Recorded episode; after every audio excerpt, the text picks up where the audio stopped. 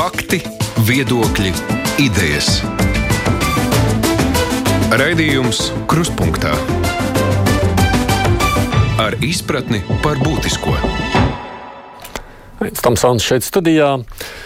Man tā jau šķiet, ka piekdienas kruspunktā tematika ne jau daudz mēnešus vispār nemainās. Tā spriedze Covid dēļ tikai aug, un grib vai negrib, visi tie jautājumi grozās ap to. Vakcīnu trūkums provocē ar vien jauns ierobežojums, arī šķiet tā prasība pēc citādas pieejas, ne tikai slēgt un aizliegt, kļūst ar vien uzstājīgāk. Un tam arī līdz seko tāda iekšēja neapmierinātība valdošajā koalīcijā. Tur arī viss kļūst saspringtāk. Piekdienās mums šeit žurnālisti komentē nedēļas aktualitātes. Nu, studijai šoreiz ir pieslēgušies Sanita Daugšte no TV24. Prieks tevi redzēt un dzirdēt, Anita, šeit. Jā. Tāpat Askaudīta Krenberga no Latvijas televīzijas. Sveika! Sveiks! Mana kolēģe Mārija Ansone no Latvijas radio arī šeit. Sveika! Sveiki, sveiki. Nu, un Artis Drēziņš, kurš raksta Latvijas avīzē, mūsu raidījumā nav piedalījies ļoti sen. Sveiks, Arti! Milzīgs prieks jūs visi redzēt. Es, protams, ceru parunāt arī par kādu tematu ārpus Covid lietām, bet nu, droši vien ir jāsāk ar to sāpīgāko. Mēs vakcīnu trūkumu jutīsim visu mēnesi. Tā mums paziņoja vakcinācijas biroja vadītāji. Kaut kādā mērā jau pat varētu domāt arī turpmāk, jo Eiroņūs ziņoja, ka, pieņemsim, AstraZeneca savas saistības nepildīs vismaz līdz septembrim. Tā problēma jau nav tikai Latvijā. Mēs jau redzam, tas ir daudz vietā Eiropā, kur uh, vakcīnas trūksta. Slovākija, Ungārija, Čehija šobrīd ir jau noslēguši, jau atļāvuši iepirkt un pērk šobrīd Krievu vakcīnas, lai mēģinātu kaut kādā veidā šo jautājumu risināt. Ko mums vajadzētu tagad darīt? Arti, ko darīt? Nu, pilnīgi skaidrs, ka ir haoss, ja, haoss nav tikai Latvijā, haoss visā pasaulē. Un, un, un tas, kas man liekas, man kā žurnālistam, kā ierīnas eh, cilvēkam, ka vienā brīdī tā situācija bija tāda, ka Latvija bija. Mēs bijām kā uzvarētāja valsts, mēs bijām pirmrindnieki. Tas ir aizvēsturē. Tā bija aizvēsture, jā, un šobrīd mēs esam arjergardā, pilnīgi apakšā. Ko darīt? Tas būtu jāpajautā, tas būtu jāpajautā vairāk uh, ierēģiem. Jā. Jā. Viņiem jau mēs pajautājām, tā mums arī klājas, kā pajautājām. Tā arī klājās, jā. Un man jau skaidrs, uh, skaidrs atbildes nav. No. Es piekrītu kolēģim Paulam Timrutam, kas brīvā mikrofonā bija, ka tagad ir tā kā uh, vista skraida katru savu pusi, un cilvēks no malas, kas nav iedziļinājies. Uh, Uh, maz ko saprot, un, un kas ir trakākais, un ko mēs redzējām Rebaltikas pētījumā. Paldies kolēģiem, meitenēm, kas izurba cauri no A līdz Z visu to procesu, kā mēs esam nonākuši šajā situācijā. Man ir ļoti lielas aizdomas, un es domāju, ka jūs piekritīsiet, ka arī pašiem ierēģiem nav skaidrības par to, uh, kas ir Tā. noticis un kādā situācijā šobrīd uh, mēs vispār atrodamies. Eh, un tā ir, un, un tas nav nekas jauns. Es nedomāju, ka arī citās, citās Eiropas valstīs, Amerikā un Zviedrijā ir līdzīgas problēmas bijušas, un joprojām ir. Ja? Kā iziet no šīs situācijas, kā to visu menedžēt, te ir, te ir vairāk risinājumu. Ne jau tu vai ne es, ne mēs žurnālisti. No, eh, tad, to, to, tad, tu, nejūties padomdevējs.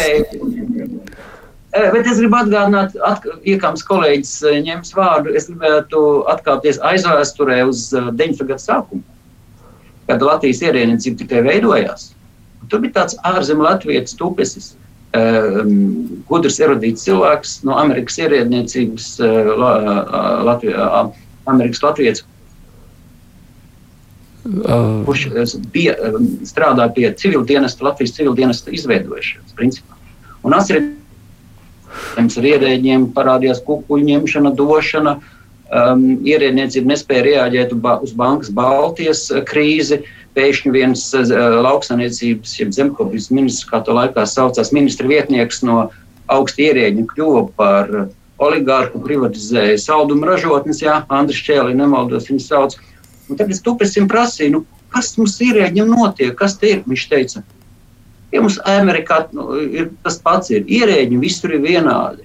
Viņi baidās par savu krāsu, baidās uzņemt atbildību, viņi ir bieži nekompetenti, ir politiskā uh, ietekmēšana, krustušķērs strādā lobby, baidās par savu krāslu.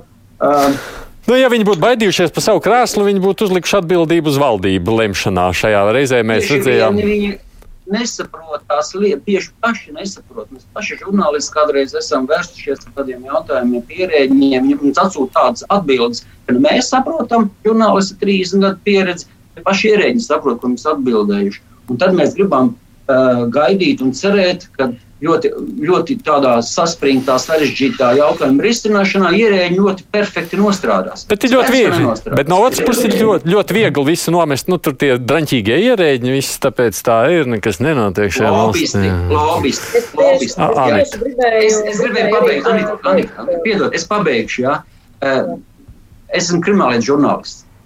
Un tāpēc es ar eh, interesi gaidu, kā šī situācija atrisināsies. Jo eh, skaidrs, ka šobrīd ir, ir, ir eh, veikts visādas pārbaudes nu, attiecībā uz šo mm, vakcīnu pirkšanu, neiepirkšanu tam līdzīgi. Bet neaizmirsīsim, ka krimināla likumā ir vairāki panti, un ja tur tiešām kāds ir nogrēkojies, tad var saukt arī pie krimināla atbildības. Nu, valsts eh, amatpersonas bezdarbība, krimināla likuma pants, dienesta pilnvaru mm, pārsniegšana, dienesta stāvokļa ļaunprātīga izmantošana. Es vēl, vēl sliktākus pantus nesaukšu. Tā situācija var uh, iegūt arī tādu dramatisku. Ārti, tu vakar nedzirdēji kruspunktā raidījumu. Mēs par to apspriedām, un juristi sacīja, tur pat nesot pamats disciplināru lietai. Anita, saki to tagad.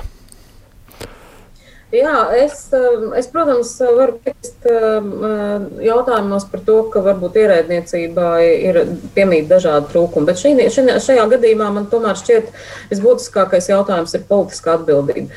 Te tika pieminēts šis Rebaltika pētījums. Un Rebaltika pētījumā parādās arī eh, tas, cik patiesībā dažbrīd ciniski vai vienaldzīgi ir arī uh, valdība uh, runājusi par šiem jautājumiem. Un tas, manuprāt, ir vienkārši nepieļaujami. Uh, Latvija atrodas uh, šobrīd priekšpēdējā, konpilnajā priekšpēdējā vietā pēc vakcinācijas procesa intensitātes.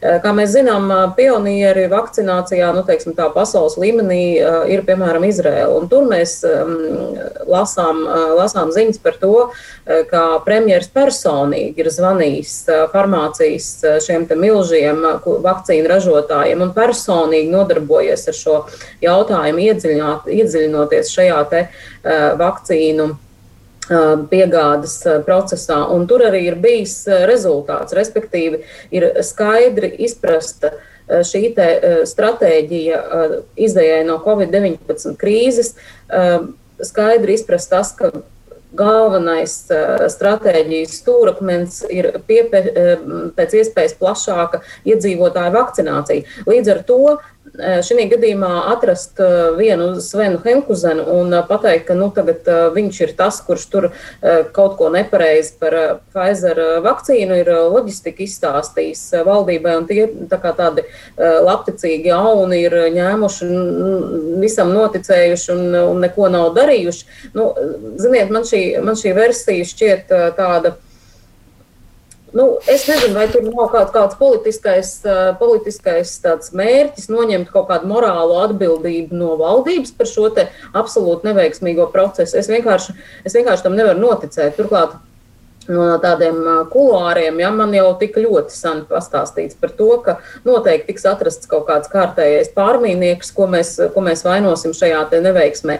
Cits jautājums ir par to, cik vispār svarīgi ir noskaidrot to, kurš tad gal galā ir bijis vainīgs pie, pie šīs situācijas. Varbūt tas nav pats galvenais, varbūt pats galvenais šobrīd ir uh, mesties pilnīgi citā virzienā, agresīvā stratēģijā un uh, tiešām uh, valdības veselības ministra līmenī zvanīt uz visām iespējām iespējamām valstīm, visām iespējamām iestādēm un, un uh, kliekat briesmīgā balsī, piegādājiet mums uh, vakcīnas. Uh, Varbūt tas būtu tas, tas svarīgākais šajā brīdī, nevis nodarboties ar to, kā pētīt, kurš tad ierēdnis tur, ko tur nepareizi izstāstīs.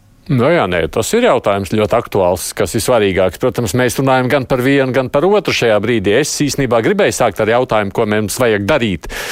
Bet, nu, ārsts pagriezas to vēsturisko aspektu. Nu, svarīgs arī, protams, šis ir. Odita, kā tev šķiet, kas tad ir svarīgāk? Es nezinu, man liekas, ka ir, protams, vis svarīgākā lieta ir ātrāk tikt pie vakcīnām. Tas ir pilnīgi nenoliedzami, nu, tas stāv pāri visam. Nu, es arī es pilnīgi piekrītu Anitai, ka viņa teica par, par to, ka tiešām politiķiem pašiem ir jāiesaistās šajā un tādā veidā viņi varētu arī izpirkt uh, vismaz daļu varbūt, no tās vainas, kas viņiem bija par, uh, tajā iepriekšējā posmā, kad viņi vienkārši atstāja šo visu procesu ierēģņu lemšanai un ierēģņu nu, kaut kādai atbildībai, noņemot no sevis šo vis, vissvarīgāko prioritāro jautājumu. Uh, Vakcīnas, kas ir nu, vienīgā izēja, uh, kur šobrīd vispār pasaulē redz no, no šīs situācijas. Tāpēc es domāju, ka, protams, ir valstis, kuras ir iepirkušas daudz vairāk vakcīnas nekā viņiem vajadzētu. Uh, un, uh, un, un, un es domāju, ka šis ir viens no tiem lauciņiem, kur tiešām politiķi var ar šīm valstīm sazināties. Un, uh, un ar, es arī domāju, piemēram, ārlietu ministrijas uzdevums varētu būt tieši ar šīm valstīm mēģināt komunicēt šo lietu. Ja reiz jūs, jums paliek pāri, jūs esat pieteikušies uz vairāk, ka mēs varam kaut kā šo visu dalīt. Bet otrs aspekts ir, man liekas, par ko vēl nerunāja neviens, ir tas, kā sadalīt pēc iespējas godprātīgāk to, kas mums ir, nu, to mazumiņu, tā, tās vakcīnas, kas mums ir piegādātas, kā mēs viņas izmantojam.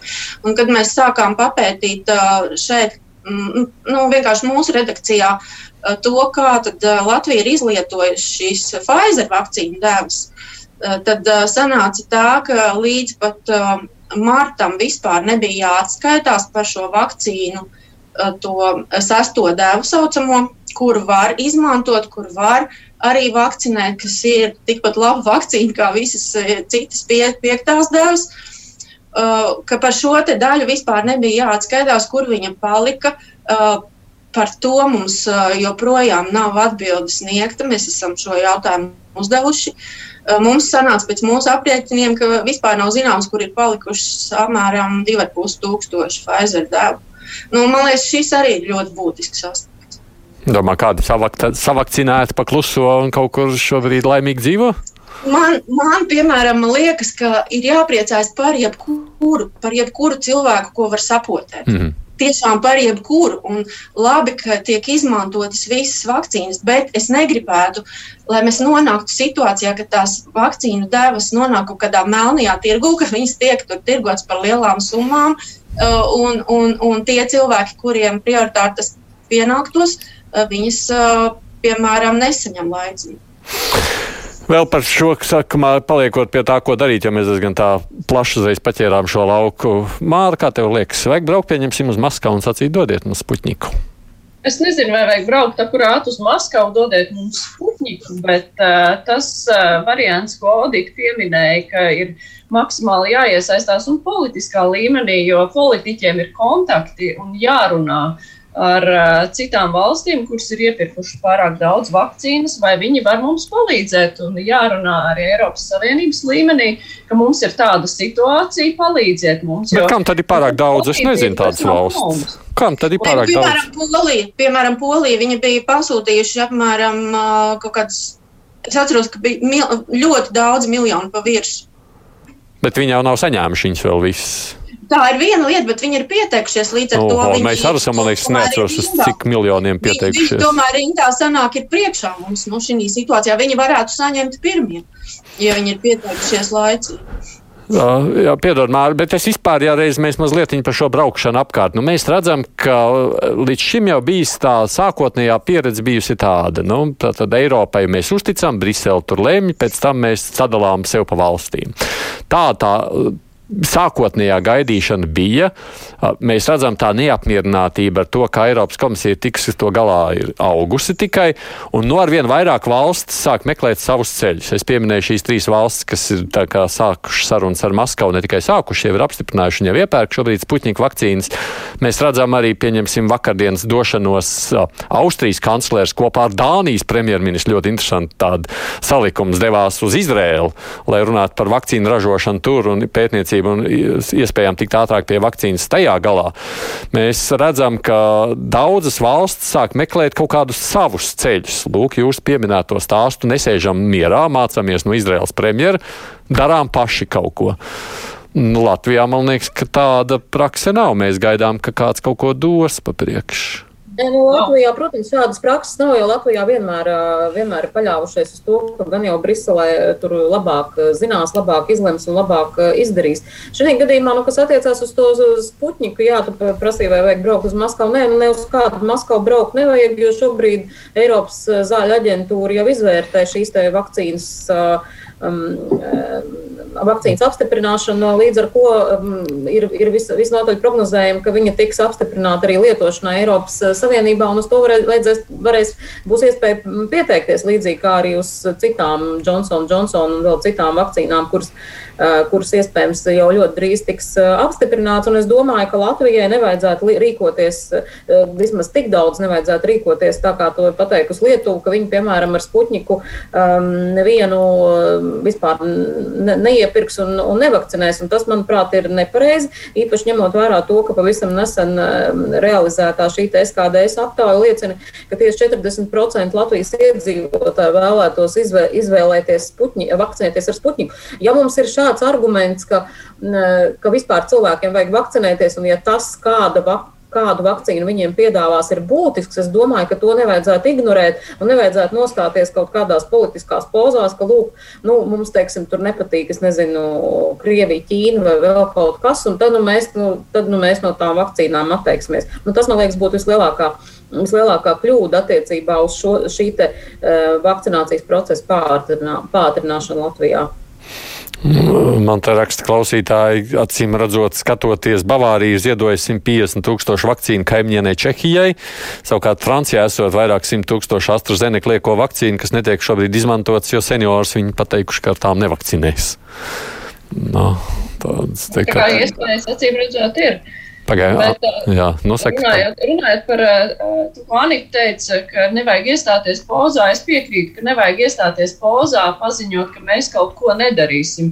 Šajā gadījumā Eiropas Savienība skatīsies, Eiropas zāļu aģentūra skatīsies, ja šī vakcīna ir pieņemama, nu tad arī, nu, ja akceptē, tad akceptē. Es nezinu, vai šobrīd ir, nu, vai ir vajadzīga tāda mm, īpaši, nu, kaut kāda. Uh, tāda skaļa pieeja, bet nu, man liekas, ka ir racionāli jārīkojas. Mēs no tā iegūsim vairāk, ja mēs e, nenostāsimies kaut kādās īpašās pozās. Mēs vienā brīdī nevaram. Jā, jau teicu arī, ka mums tos puķņu vakcīnu uzreiz vajag skriet un grābt. Vai viņi vispār?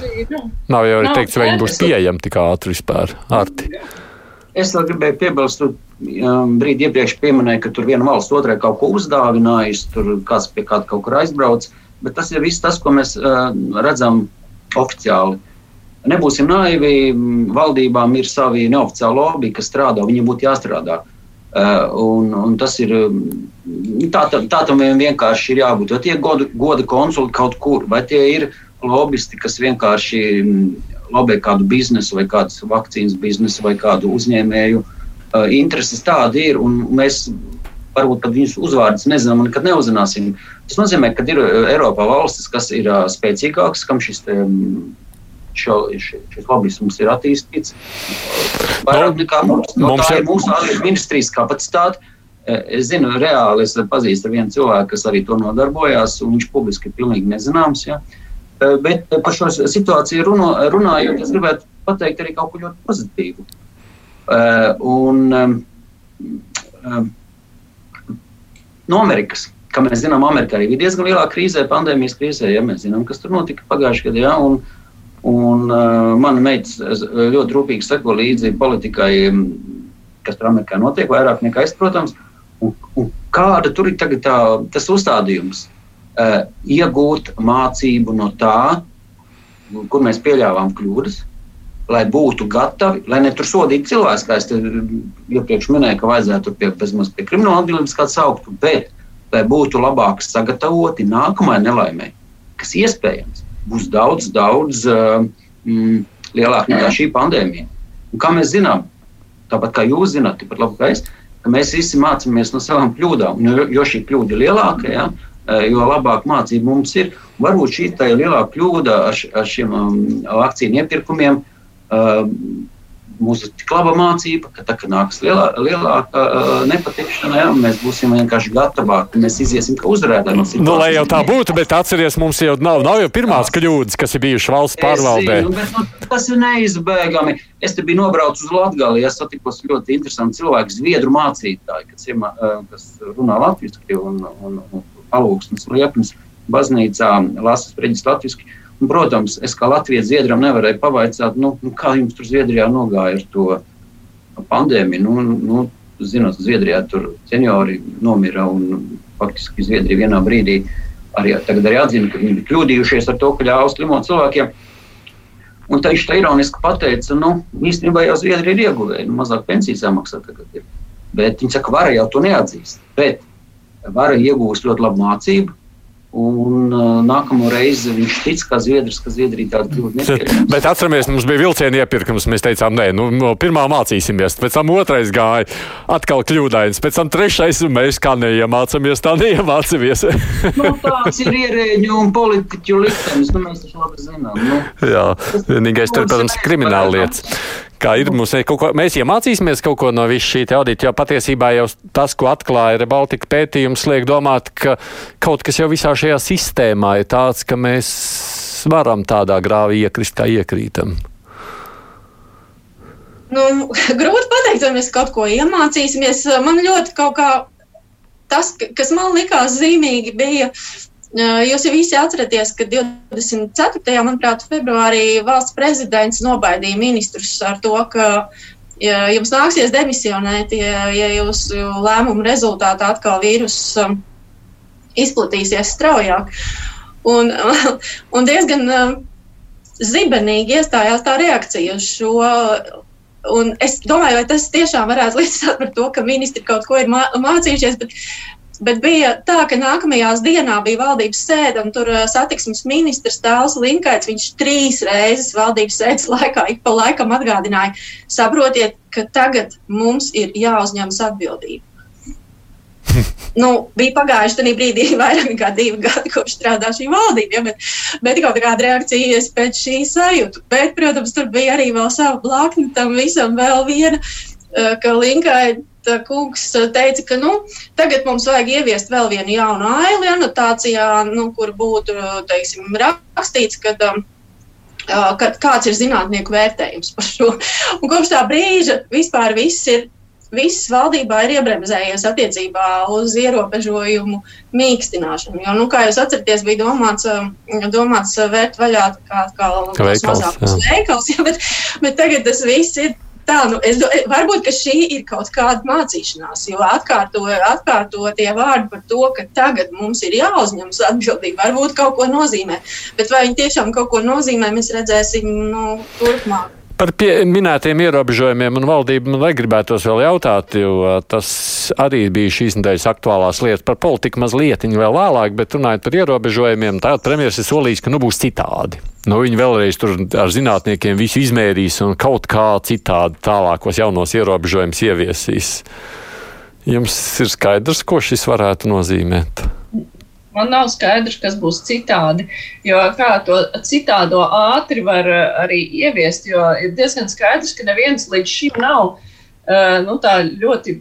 Nu, kaut cik precīzi mērīs uh, ierobežojumu efektivitāti un nu, kaut kādā veidā to salicis kopā ar jaunākajiem atklājumiem par vīrusu izplatību. Nu, tādas lietas neliek kopā. Man bija pirmdiena intervija ar Solitu Olsenu, kur uh, ir nu, kopā ar citiem pētniekiem, viņi pētījuši arī tajā skaitā to, kā valdībā ir tikuši pieņemt lēmumi. Un e, tas, kas tur ir katastrofāli trūcis, ir ekspertu vērtējums par to, kā kaut kas var ietekmēt tīri epidemioloģiski ka ir vienkārši tie lēmumi pieņemti balsoties uz kaut ko, uz man šķiet, vai nu, kā, mhm. kādā citā valstī tā ir nolēmts. Un, un rezultātā ir tā, ka pieņem kaut kādas ierobežojumus, viņi tā kā nestrādā īsti. Un nav skaidrs, vai nestrādā tāpēc, ka ierobežojums neievēro, vai arī ierobežojumi vienkārši nav tik šajā gadījumā būtiski. Nu, tā ir tā, tā lieta, kas tiek ierobežota, lai to vīrusu neizplatītu. Nu, tas viss notiek tā, bakstoties ar pirkstu debesīs drusciņi. Un, un es nezinu, vai tas tik ātri var tikt mainīts, vai uh, lēmumu pieņemšanā būs cita pieeja. Mēģinot, jo nav jau arī datu, uz kuriem balstīties uh, lēmumu pieņemšanā. Uh, nav datu pre, precīzi par to, kur tad īsti notiek šī lielākā izplatība, jo tās aptaujas, uh, nu, kā, kas cilvēkiem tur ir anketas jāizpilda, nesniedz droši vien pietiekoši informatīvu. Uh, pietiekami informācijas par tā cilvēka gaitām, kur viņš būtu varējis inficēties. Nu, tas viss notiek tā nu tā, ka formāli tiek skaidrots, bet praktiski mēs tāpat īsti nezinām, kāpēc kaut kas strādā un kāpēc kaut kas nestrādā. Vai to tik ātri var izmainīt? Nezinu. Es domāju, ka visas, balst, visas valstis uh, bakstās, nu, vismaz mūsu Eiropas reģionā, ja nu, mēs to redzam, ja, un, un izmērīt, tas vīrus ir nāvīgi gudrs, un kā viņš apvienojas, uh, apiet visus tos ierobežojumus. Ja vienā brīdī tu liekas, ka tā, tā valsts ir uzvarētāja, ja mēs cīnām, un, un vienā brīdī tu esi uh, tā valsts ir eh, zaudējusi, un, un tā valsts, kas ir bijusi kaut kur lejā, ja, eh, pandēmijas sakrā pēkšņi izrādās uzvarētājā, ja, un tas vīrus mutē, un tās, nu, nav jau, nav, nav jau tās pieredzes, kā jau tas ir simt, simtreiz arī mm, uzsvērts. Un, un, un, un spiediens uz, uz, uz valdībām ir, es domāju, ne tikai Latvijā, jo tagad ir pavasaris, eh, skaidrs, ka um, sekas ir uz um, mājasēdi cilvēkiem ir lielas, jā, un, un noturēti grūti, un mēs labi zinām, Es arī kā kriminālietu žurnālists zinu, ka tas nav noslēpums, ka pieaug vardarbība ģimenēs. Jā, tāpēc cilvēki krīt viens, viens otram uz nerviem. Jā, dažādas ģimenes un dažādi apstākļi, dzīvošanas un tam līdzīgi. Jā, cilvēks ir spiests ierobežot savas aktivitātes, jā, sēž pilsētās. Jā, un tagad turēt, turēt vēl vairāk cilvēkus pavasarī. Nu, tās problēmas mēs redzēsim pēc, pēc kāda brīža, un psihologi arī to arī. Protams, jā, bet tieši tāpēc jau gribas meklēt, vai varētu atrast kādu ceļu, nu nevis uztaisīt tā, vai nu viss ciet, vai viss ir vaļā, vai nu kaut kas strādā, vai nekas nestrādā. Atrast kaut kādu saprātīgāku, pagaidīt, ļauj Anitai, pagaidi, ļauj Anitai runāt. Jā, ļoti um, ir, ir izdarīt vien fundamentāla kļūda, manuprāt, un šajā kontekstā es varu teikt, ka valdība ir zaudējusi zināmā mērā uzticību attiecībā uz to, ka viņi spēja pieņemt, nu, teiksim tā, ierobežojumus, kurus cilvēki gribētu un uh, varētu ievērot, tāpēc, ka nav uzticēšanās tam, ka jebkurš ierobežojums būs sajūgts ar attiecīgu atbalstu. Jo ir ļoti slikti atspēlējies tas, ka pērnā gada laikā ierobežojumiem nesakoja, nevis, ne, pat nevis nesakoja, bet viņi nebija sinhronizēti ar atbalstu.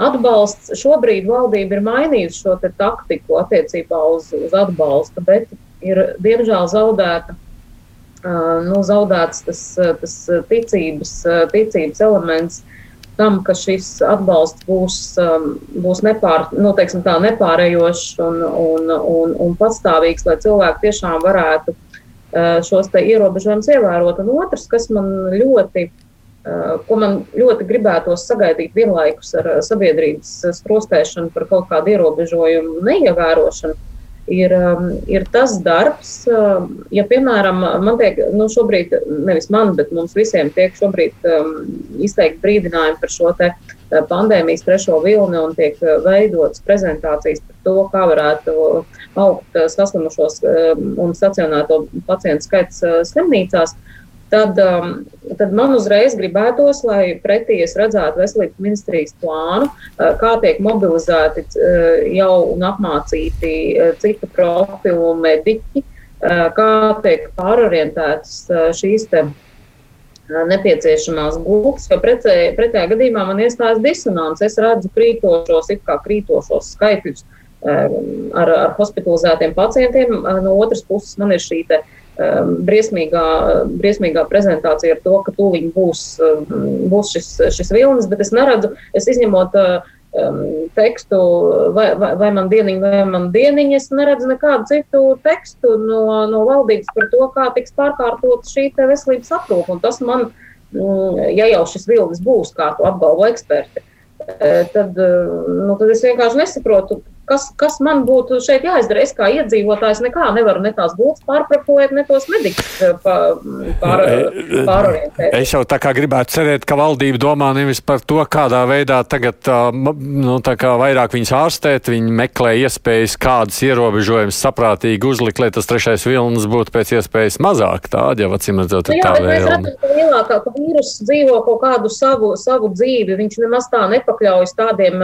racionāliem argumentiem. Es pieņemšu valdībā lēmumu. Un, un, un tagad, pēc attiecībā pret šī valdības lēmuma, notiks uzreiz kaut kas. Viņ, viņam tur, tur, tur, tur tas notiek pēc kaut kādiem nedaudz, nedaudz citiem principiem. Un tikko kā Māra, uh, Māra minēja šo te stāstu par, par šiem argumentiem un par zinātnisko pieeju ja, un, un, un, un to, kā pētījumiem par to, kā konkrēts ierobežojums konkrēti ietekmē epidemioloģisko situāciju. Un, un ja mums, ja mums šādu, šādu pētījumu patiesībā, patiesībā nav, nu tad, tad, uz ko mēs vispār kā mēs vispār varam runāt par to, ka mēs tagad vēl kaut ko ierobežosim, ja mēs vispār nezinām, kā tas vispār kaut, kaut ko iet. Es, protams, arī varu izteikt savu subjektīvo sajūtu. Man vienmēr liekas, nu labi, kur es varētu saslimt. Mājās droši vien tikai tad, ja sieva atstiep, ja, nu, ejot pa ielu, visticamāk, diez vai Rīga vispār galīgi tukša, ja, nu, nē, nu, patukša. Es nākti no stacijas, es parasti cenšos barā neiet nevienā.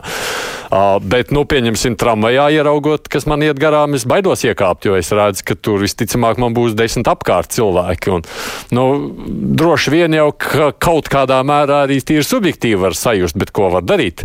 Tramvajs brauc un kā, kā uz to ķēngaragu vai nu uz kurien tur katram jānokļūst, ir jānokļūst. Pabeidzot par tiem ierobežojumiem, Odīt, ko tu domā, ko vajadzētu sagaidīt tagad no valdības nākošo nedēļu laikā?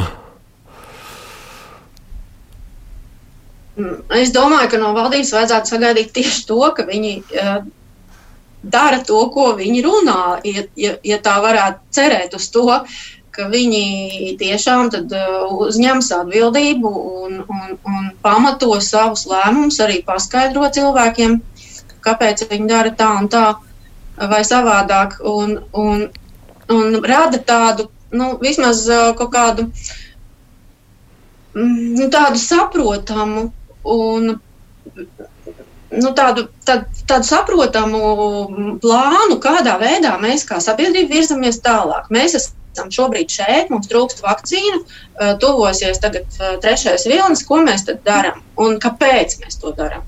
Jo tas ir fakts, ka līdz šim tiešām tā kopējā lielā bilde, tas, tas laukums, kurā mēs esam, tas, tā ir tā vājākā vieta tajā visā eh, šīs, šīs situācijas izpratnē. Jo nu, vienkārši mēs nezinām, kur mēs esam tieši tādēļ, ka mēs nemākam apkopot datus nu, valdības līmenī, ierēģņa līmenī. Mēs nemākam šos datus analizēt, un mēs strādājam kaut kādām ļoti nu, tādām vecmodīgām arī metodēm. Nu, es, arī, es biju ļoti pārsteigta, kad es uh, prasīju pirms kādu laiku SPKC kāpēc uh, viņi nepārņem to Igaunu pieredzi, ka, piemēram, viņiem uh, tos, tās kontaktpersonas apzvana vienkārši robots. Ja? Nu, jo robots pasaka, jums ir tagad jādara, jūs esat kontaktpersona, dariet to un to un to. Un to. to visu joprojām mūsēji darīja ar, ar, ar, ar iesaistot vienkārši darbiniekus, kur noslogot un pārslogot. Un, kad viņiem uzdev to jautājumu, tad apmēram atbild bija tāda, nu, cilvēks jau ir vērtīgāks nekā nekā robots. Nu, apmēram tā. Nu. Bet, bet nu, tas tā ir tā mūsu pieeja, ka mēs vienkārši, man, manuprāt, nu, ne, nerīkojamies tā, tā saprātīgi un atbilstoši tā situācijai, kā, kādā, kādā mēs dzīvojam. Vienīgais ir maza piebilde, atgādinot žurnālistiem, pēc, atgādinot žurnālistus pēc tam klausītājiem, ir tikai tāda, lai nu ko, bet šajā reizē, laikam, Zigaunija kā uz labo piemēru arī nevarēs skatīties. Skatoties, kas viņiem notiek ar skaitļiem, mēs jau esam ļoti labi. bet, tā, jā, bet tas ir atkal cits cits aspekts, pilnīgi cits. Viņi, eh, viņi piemēram, ļoti labi māc, varēja šo menedžēt šo epidemioloģisko izmeklēšanu, bet kas viņiem bija, viņiem bija valdības krīze. Un valdības, eh, vai cikot, viņiem mainījās valdības, un tajā brīdī viņi vispār palaida visu eh, diezgan lielā pašplūsmā. Tur viss bija vaļā, tur viss darbojās. Tagad viņi bauda nu, tos sliktos augļus no tā, ka vienkārši politiķi šos valdības izmaiņu rezultātā nespēja arī nu, kārtīgi visu šo situāciju pārvaldīt. Nu, lūk, bet un- tā nav epidemioloģija. Jā, bet es šo par valdības krīzi arī turpināšu, jo tas man liekas pietiekoši interesants temats. Es tikai atgādinu Odita Krenberga, Anita Daugšta, Mārija Ansona, Arts Drēziņš ir mūsu šīs dienas komentētāji. Raidījums Krustpunktā. Nezinu, kā jūs, bet es redzu šajās dienās ļoti pēdējās, it īpaši dienās, daudz spekulāciju par to, vai varētu būt kāda valdības maiņa, premjeras noguris, vai tur kādi eh, viens otrā vai īsti neklausās, premjeras tur palicis viens, ministrs domā pa savam. Nu, klausoties tagad, Todits teikt, jā, ja mums būtu šis pats stāsts, ka mēs palaižam valdību vaļā, un tad pēc trim nedēļām tikai nākošā izdomās, ko tālāk darīt, diez kas nebūtu, nē? Diez, kas nebūtu. Es arī neredzu īsti. Nu, ja mēs eh, redzam, ka valdības eh, kaut kādas nesaskaņas ir tāpēc, ka eh, nu, principā tās ir partijas, partiju ministri, kuri katrs mēģina nu, tā aizstāvēt tās, eh, varbūt vairāk skatīties uz nozarēm, kas ir eh, viņiem aiz muguras, un tas ir nu, saprotams, protams, it īpaši vēl tas ir vēlēšana kontekstā. Es nevaru iedomāties, kā šīs pašas partijas tagad vēl ņemtu un domātu par jaunu valdību, jo citam jau nav kam to valdību taisīt.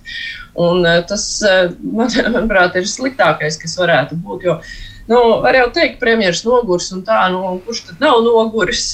Visi ir noguruši. Nu, kas ir vairāk vai mazāk iesaistīts tajā visā, uz ko mainīt, taisīt jaunas vēlēšanas, kas būtu ilgi un uh, grūti. Un, uh, šajā situācijā ir vajadzīgs kāds, kurš rīkojās uh, tagad un nepārtraukti, jo mēs esam tik ļoti aizkavējušies, ka mēs nevaram iepauzēt uz kaut kādu laiku. Un, ja taisīt jaunu valdību, tad tur politikas aiziet vēl trakāk nekā līdz šim. Bet, Anni, tu pieminējies par politisko atbildību, kas arī parādās tajā vakcinācijas iepirkuma procesā. Kā tad atbildība izpaudīsies? Nu, citādi jau nevar izpausties. Ļoti, ļoti, man liekas, šis jautājums tomēr ir ļoti, ļoti interesants. Pirmkārt, apliecinās eksperti, jo ilgstoši teikt, teiktais tas, ka šī, šo valdību nav iespējams nogāzt, viņa var nogāzties tikai pati, samilstot līdz tādām nu, kritiskai masai personiskajām attiecībām valdībā. Un es domāju, ka šī situācija, kurā valdī, valdošās koalīcijas pārstāvs Roberts Zīle ja, ir pirmais izteicies, varbūt to nu, tā publiski pietiekoši skaļi intervijā dienai. Viņš teica, ka iespējams ir jāno, vai nu jānomaina kariņš, varbūt uz kādu, ne, vai, vai būtu, teiksim, izdeja būtu neitrāls premjeras. Viņš minēja variantu uz kādu citu ministru, vai arī, nu, vai arī Kariņam jāmainās pašam un jāmaina savs te, nu, darbības stils. Viņš piedāvāja šādus trīs variantus. Ja mēs apspriežam šo neitrālā premjera variantu, es nevaru noticēt tam neitrālu premjeru, tad, tad tam atbalstam jābūt ne tikai no šīs koalīcijas, bet jābūt arī daudz plašākam atbalstam. Arī citās saimnes koalīcijas, atvainojos, saimnes, saimā pārstāvētajās partijās šādam neitrālam premjeram, respektīvi jābūt tādai tādai vispārējai vienošanai par kaut kādu, kaut kādu šādu cilvēku, kas, tā, kas, kas varētu būt šis cilvēks. Nu, es nezinu, šobrīd man nezinu, tikai Jēzus Kristus nāk prātā, bet es vispār nevaru iedomāties, kas varētu būt, būt šāds cilvēks, mainīties kariņam pašam. Nu, mēs, nu, tas ir ļoti sarežģīts, sarežģīts jautājums, kā viņš varētu nomainīt savu, savu darbības stilu tas tiešām arī viņam pašam būtu jāvaicā. Otrs, vai to vai kāds cits šīs te koalīcijas ministrs varētu nākt Kariņa vietā. Interesants jautājums man šī kontekstā šķita ļoti. Um, Ļoti tāds, nu, teiksim, tā pamācošs šīs aizsardzības ministra Arta Pabrika konceptuālais raksts, ar kur viņš nāca klajā par to, kā būtu jāmaina uh, ierobežojumu taktika un uh, komunikācija ar uh, ar sabiedrību. Nu, kā, Šis man, šis man šķiet nu, tāds, tāds iespējamais ceļš, ja kāds no ministriem kļūst par premjeru. Nu, tas, tas izskatās vēlāk, bet otrs variants ir, ka šī ir vienkārši parunāšana. Un parunāšana ir saistīta ar to, ka bija šī ļoti neveiklā situācija, manuprāt, pēc valsts prezidenta un ministra prezidenta tikšanās, kur uh, Egils Levits ļoti skarbi izrunājās, uh, nevis izrunājās, viņš izteicās par ministru Eh, ministru atbildību, faktiski tādā diezgan pietiekoši asā formā. Un izskatījās, ka ministra prezidents tajā situācijā izskatījās, es gribu uzsvērt šo vārdu, izskatījās, ka ministra prezidents ir pasūdzējies prezidentam un pateicis, nu, nu es te netieku ar tiem ministriem galā, viņi tur grib tos ierobežojumus mīkstināt, tagad tu nāc man balīgā un, un pasaki, pasaki viņiem, ka viņiem tūņi visiem būs, tā teikt, jādemisionē, ja tikai tā saslimstība kāps. Nu, tas tā izskatījās. Es domāju, ka valsts prezidents šajā situācijā ministru prezidentu drusku nolika tādā, nu, teiksim, tā ne ļoti ērtā situācijā attiecībā pret citiem ministriem. Es pieņemu, ka daži, tā kā viss politikā ļoti daudz lietas noteikti ir, nu, tā personiska attiecību līmenī, un, un, un tas, tam, tam ir ļoti liela nozīme, neskatoties uz to, ka varbūt tā, tā publiski arī neizskatās, bet nu, tā ir. Un es domāju, ka daži ministri ļoti apvainojās par šo te Uh, uz ministru prezidentu, un, uh, un viņi nolēma viņam nu, tā drusku iespērt pa potīti. Mm. Arti, ko tu saki par šo? Nu, esmu piedzīvojis visas neatkarīgās Latvijas valdības trīs gadu garumā. Es ceru, ka es pārdzīvošu arī šo valdību. Un, uh, un es nepiekrītu arī tai, ka valdības krišana vai, vai kaut kāda graujoša nestabilitāte var ietekmēt situāciju pandēmijas um, jomā, jo viss ir atkarīgs no tā, cik stipri valsts sekretāri, augstākā ierēdniecība, uh, iestāžu vadītāji. Un, uh, es nedomāju, ka tur viena vai otra ministra nomaiņa uh, kaut ko mainīs. Mēs labi redzam, kā mainījās veselības ministrs, ja, kā veselības ministra nomainījās. Nu, kas no tā? Nu, sistēma turpināja strādāt. Un, un, um, Valdības ir mainījušās, un Latvijas vēsturē valdības arī bieži mainījušās. Kā bija dažādas krīzes, banka, Baltijas krīzes, pēc tam ekonomiskās krīzes. Mēs ļoti labi atceramies tos laikus. Un, un, tā kā es savulaik rakstīju par armiju, jūs um, atceraties 2004. gada 29. martā, kas notika. Latvija uzņēma NATO. Kas ir interesanti, 20 dienas pirms tam tika atcelts, um, bija valdības maiņa. Nāca Emīļa kabinets pie varas un uh, no aizsardzības ministrija posteņa aizgāja Girts Valds Kristovskis, kas bija ieguldījis milzīgu darbu Latvijas ceļā uz NATO. Ja, un, un tad, uh, protams, cilvēks pats pārdzīvoja, un sabiedrībā tika sēta tāda vēsta, kas tagad būs, neiestāsies NATO, nu, baigās problēmas, krīze būs. Atnācis Latvijas, neiestājāmies NATO. Viss notika. Karoks tika pacelts, sistēma nostrādāja spēcīgs valsts sekretārs. Man liekas, Rinkevičs kungs, tagadējais ārlietu ministrs, tad bija vispār nekādas problēmas. Es domāju, ka daudz būs atkarīgs no ierēdniecības, un es būtu ļoti nelaimīgs, ja mūsu valdība būtu stabila. Ja mēs dzīvotu tādā valstī kā Krievija, Baltkrievija, kur uh, valdības stabilitāte atkarīga no viena cilvēka. Nu, jūs gribētu dzīvot tik, stabilā, tik stabilā valstī kā Krievijā, kur viens cilvēks nosaka, Bet nē, ne, nevar taču to salīdzināt. Pirmkārt, mums eh, šeit viens cilvēks neko nenosaka, un ir milzīga atšķirība, vai mainās viens ministrs kaut kādā jomā, vai mainās vesela valdība. Un arī nevar salīdzināt ar iestāšanos NATO, jo tad, kad mainījās aizsardzības ministrs, bija jau skaidrs, ka mēs iestāsimies NATO. Mēs tikai pēc tam aizgājām to ceļu līdz galam. Pandēmija šobrīd ir pašā plaukumā, darba ir ārkārtīgi daudz. Es nedomāju, ka tas ir salīdzināms. Jo, ja nomaina vienu ministru, protams, valsts sekretārs strādā. Kas ir valsts sekretārs, ja nomaina premjeru un partijas sāk ņemties, kā, kurš būs nākamais premjeras, kurš, tai, kurš būs kurš ministrs? Tad tur ir visiem valsts sekretāriem jāmetās darbā. Un, eh, ja mēs kritizējām vakcīnu iepirkumu, kur pārāk daudz eh, bija tik atvēlēts ierēģiem vaļas uh, un atbildības uzlikts, uh, tad uh, šajā gadījumā mēs visu uzliksim uz šiem pašiem ierēģiem. Kas tad tur sanāks gal galā? Es ne, nepiekrītu. Labi, Odīt, vispār kā tev šķiet, būs, nebūs politiskas kolīzijas? Tu arī sekojas daudzām politiskajām krīzēm Latvijā.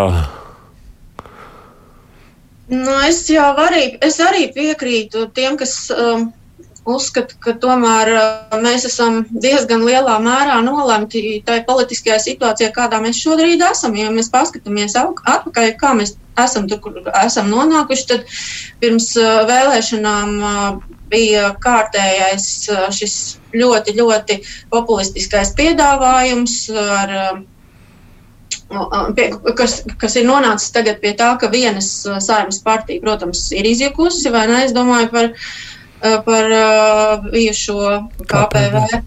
Jā, nu, kas bija kā, nu, tas, tas sapnis, uz ko cilvēki ļoti lielā mērā cerēja, ko mēs varējām nosaukt par to vēlēšanu uzvarētāju. Un uh, Kariņa partija, jaunā vienotība, tieši otrādi bija vēlēšanās absolūtie pastarīši. Uh, un, un, un nedabūja knapi tika pāri vispār un dabūja astoņas vietas saimā. Uh, vienkārši mēs redzam, ka mēs paši kā vēlētāji sevi jau esam nostādījuši tur, kur mēs šobrīd esam esam, mēs esam nolemti tajā situācijā. Mums ar to jādzīvo. Ja mēs negribam ārkārtas vēlēšanas, bet es domāju, ka tik saprātīgi mēs visi esam, ka mums nevajadzētu ārkārtas vēlēšanas šajā situācijā. Un uh, vēl ko šis parāda, vienkārši to, ka nu, cik hronisks ir tāds uh, spējīgu cilvēku trūkums politikā. Nu, mums nav īsti no kā izvēlēties, ja mēs tagad gribam uh, kādu, kādu nomainīt. Um, ar, ja būtu tā labākā valdība, kas otra stāvētu jau šeit fonā un atliktu tikai teikt, pārmainīt dekorācijas, un viņi jau ir vietā un ir ļoti, ļoti spējīgi strādāt, tad jau būtu labi. Bet mums jau tā nav. Un, un, un, un radīt vēl kaut kādu papildus jucekli, es domāju, neviens šobrīd nav ieinteresēts īsti. Ja vien tie nav kādi nu, tādi naidīgi valstī spēki. Nu, es nezinu, es neredzu neko tādu Kāpēc šī valdība nespētu pārvarēt savas iekšējās pretrunas, saņemties un strādāt vienkārši? Labi, man ir vēl viens temats, ko es gribēju paņemt. Maz jau ir laika palikuši, bet ir kādas septiņas minūtes. Runa ir par deputātu Karīnu Sprūdi, kas bija ātri aizskrējusi nedēļas nogalē līdz Šveicei, nopirkt ar pulksteni par 11 eiro, tūkstošiem, 11 tūkstošiem eiro, un nebija to deklarējusi. Tad Polijā viņa uzlika sodu par to muitā. Viņa tur bija vicinājusi savu diplomātsko pasi, lai kaut kā izkļūtu no tās situācijas. Nu, tagad lietas skatīs saimnes ētikas komisijā. Viņai nebija tiesības to diplomātsko pasi vicināt. Ko sakāt par šo skandālu, Mārcis Maita? Protams, tur bija tie, nu, daudz pērļu pērles, gan par eh, parastiem mirstīgajiem un vispārējo, bet labi, tie parastie mirstīgie, bet viņai nepārmest, nu, cilvēks pateica un eh, pateica, nu, gadās. Bet eh, šajā situācijā man šķiet, ka viņi īsti nav sapratusi, uh, Uh, nu, kas ir tā saimnes, depu, ka, ka saimnes deputāts ir ne tikai tāda forša vieta, kur, nu, kur ievēlu, un tad es esmu saimnes deputāts, bet tas viss nes līdzi arī nu, kaut kādas tāda, tādu nu, vairāk nekā atbildību. Jo tas, ka viņi pat nesaprata, kādā gadījumā viņi var lietot uh, diplomātisko pasi un nevar. Un, uh, nu, kā viņi vispār uztver šo amatu. Nu, un ko viņi var atļauties kā saimnes deputāti un ko nevar. Nu, ka viņa, ka viņa tiešām šai ziņā nav parasts mirstīgais, bet nevis tāpēc, ka viņai būtu kaut kādas iespējas izmantot uh, diplomātisko pasi, bet tāpēc, ka viņa nevar atļauties to, ko dara parasts mirstīgais. Bet viņa nevar arī tagad atļauties atkāpties, jo tad viņas vietā nākšot kāds deputāts, kurš atbalsta valdību, un to gan nedrīkst pieļaut. Nu, jā, tā jau dara. Mēs, mēs, mēs zinām, ka tā bieži dara ka eh, mandāti tā tiek mainīti. Vienkārši nu, viņi pateica atklāti, kā tas ir. Nu, tā tas arī parasti notiek. Audīt, ko tu saki par šo? Nē, nu, Es atceros, ka līdzīgi gadījumi kādreiz eh, piedzīvoja arī vai izraisīja arī, mm, arī Artus Kaimiņš kādā bārā, kur viņš teica, mm. vai jūs zināt, kas es esmu?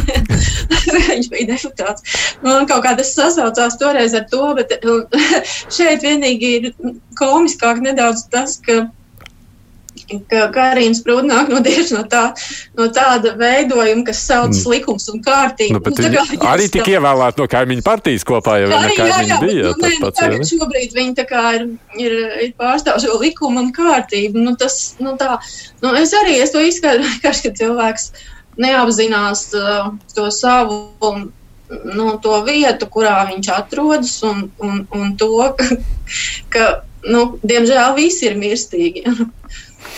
Anita, ko tu saki? Tev negribas aizskriet pat 11 tūkstošiem šveici ātri nopirkt. Viņi piekdienā brauc aizskrēja pakaļ. Un, starp citu, šī, šī situācija eh, šķiet eh, absolūti um, nepieņemama no tāda viedokļa, ka, ka, ka šeit nevar runāt par uh, tā Karīnas prūdu. Viņa īstenībā ir gandrīz tā kā nu, kā to pareizi gramatiski saukt, nevis, nevis kā, kā personu jāapskata, bet kā gandrīz tas ir kaut kāds nezinu, sugas vārds, man liekas. Jo mūsu, um, diemžēl, ir izveidojusies situācija, ka uh, viņa atspoguļo visnotaļ tipisku stilu, kāds piemīt, man liekas, diezgan lielai uh, esošās saimnes uh, deputātu daļai. Tur ir savēlēti uh, veselā, vesela grupa cilvēku, kas ir tādi tā teikt, gadījumu cilvēki ne tikai politikā, un vispār ir kaut kādi gadījumi cilvēki, kuri patiesībā līdz šim brīdim nav izpratuši, jau, jau cik gadus strādājot eh, parlamentā, tērējot teikt, nodokļu maksātāju naudu, viņi vispār nav sapratuši, kur viņi atrodas. Un tas, šī situācija ir, eh, ir absolūti traģiska. Viņa, nu, viņa, protams, izskatās eh, tikpat smieklīgi, cik izskatās eh, Čehova novelē, kur cilvēks gribēja ļoti iekļūt avīzēs, nekāda neizdevās, un tad viņš piedzērās, pakļuva zem ratiem, un, un tad par viņu uzrakstīja, ka, lūk, piedzēries tur zem ratiem vāļājās. Nu, nu, lūk, nu, šī, šis ir stāsts par Karīnas plūdu, bet, bet tur tas ir stāsts par, par vienkāršu cilvēku, bet šeit mēs runājam par, par, par jā, ne vairāk, ne mazāk tautas priekšstāvu. Nu, nu tas, ir, tas, ir, tas ir vienkārši briesmīgi. Un tas, ka šī kundzīte atļaujas nenolikt mandātu pēc, ne jau tāpēc, ka viņa to pulksteni nav deklarējusi. Viņa pat nesaprot to, ka mandāts viņai būtu jānoliek visam citu iemeslu dēļ, par to, ka viņa vispār apkauno deputāts statusu un ne, nesaprot, kur, kur viņa atrodas. Jūs zināt, kādu Karīnas sprūdzi iesniegt un likumdošanas mm. E, tur jau ir tā ķībele. Es domāju, Karins Prūds, Prūds, kurā partijā viņi ir. Ak, neesmu dzirdējis tādu meklēju, kas viņi tādi vispār ir, jo es nevaru ātrumā saprast. Es man nebija nācies par viņas neko dzirdēt. Tā, vienīgais, ko es sapratu, ka viņi, kā viņi teica, viņi pa piekdienām brauc vai nu uz ādažiem, tikties ar vēlētājiem, nu tikpat uz Šveici var aizbraukt. Tur neesmu liela atšķirība. Nu, tagad Arti saka, tu.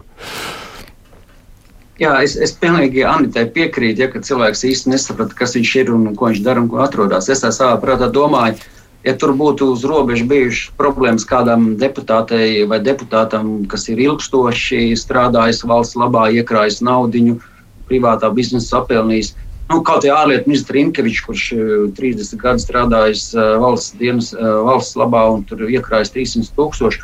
Un tam jau būtu radusies kāda ķibelīte, tur pulkstenī par desmit tūkstošiem un tur kaut kāds pārpratums. Un sabiedrība to saprastu, pieņemtu. Uh, negadās un tam līdzīgi. Jā, kaut gan es domāju, nu, nezinu, ka militārā pasta diplomāts. Jā, jā. Bet nu, šajā gadījumā tas ir ļoti smieklīgi. Bet tā ir mācība visiem. Nu, cilvēks, deputāts, viņam ir jāuzņemās atbildība par to, kas viņš ir un ko viņš dara. Nu, līdzīgi kā nabaga izšķils, um, izšķils deputāti, kas nu, tiešraides laikā, nezinu, kāpēc bija uzvilkusi sejas masku, bet bija aizmirsusi uzvilkt um, apašpūks. Nu, tās ir zīmogs uz visu mūžu, ko es darītu. Nu, līdzīgi kā arī sprūdi. Mēs sprūdi atcerēsimies uh, Rolex pulksteni, ja, kā, kā, kā, kā cilvēku, kā deputāti, kam bija šī problēma. Tā varētu arī būt. Nu, Saimnes, nezinu, ko tur komisija ētikas lems. Droši vien kaut ko jau ar pirkstu vajadzētu pakrastīt. Jau ārlietu ministrijas acīs, ka, lai nu ko, bet šo diplomātsko pasu viņai nebija tiesības lietot. Anita Daugsta, Mārija Ansona, Nodita Krenberga, Arts Dreiziņš, paldies jums par iesaistīšanos šīs dienas sarunā, runājot par nedēļas notikumiem. Yes. Jā, paldies! Paldies, vislabāk! Tematā mēs pirmdien krustpunktā palūkosimies uz vēl vienu covid aspektu, par ko mēs šodien nerunājām. Apzināti nav jau visam ar laiku nekad bijusi tās, kas notiek šobrīd tajās jomās, kuras līdz šim ir cietušās covid dēļ, bet izskatās, ka garāk laudz vairs nav gatavs ciesties. Runa ir par veikliem, ēstuvēm un dažām citām lietām, kuras varas arvien vairāk ciet un var redzēt aizklāja logus plēves, parādās uzrakst izīrē, proti viņi vairs neatvērsies kas darās vispār ar visām šīm te nekustamiem īpašumiem, biroja tirgu un vispārējo nekustamo īpašumu asociācijas vadītājs Aigars Šmits būs mums studijā. Procentu jūnām studijā šodien arī es Aidis Tomsons.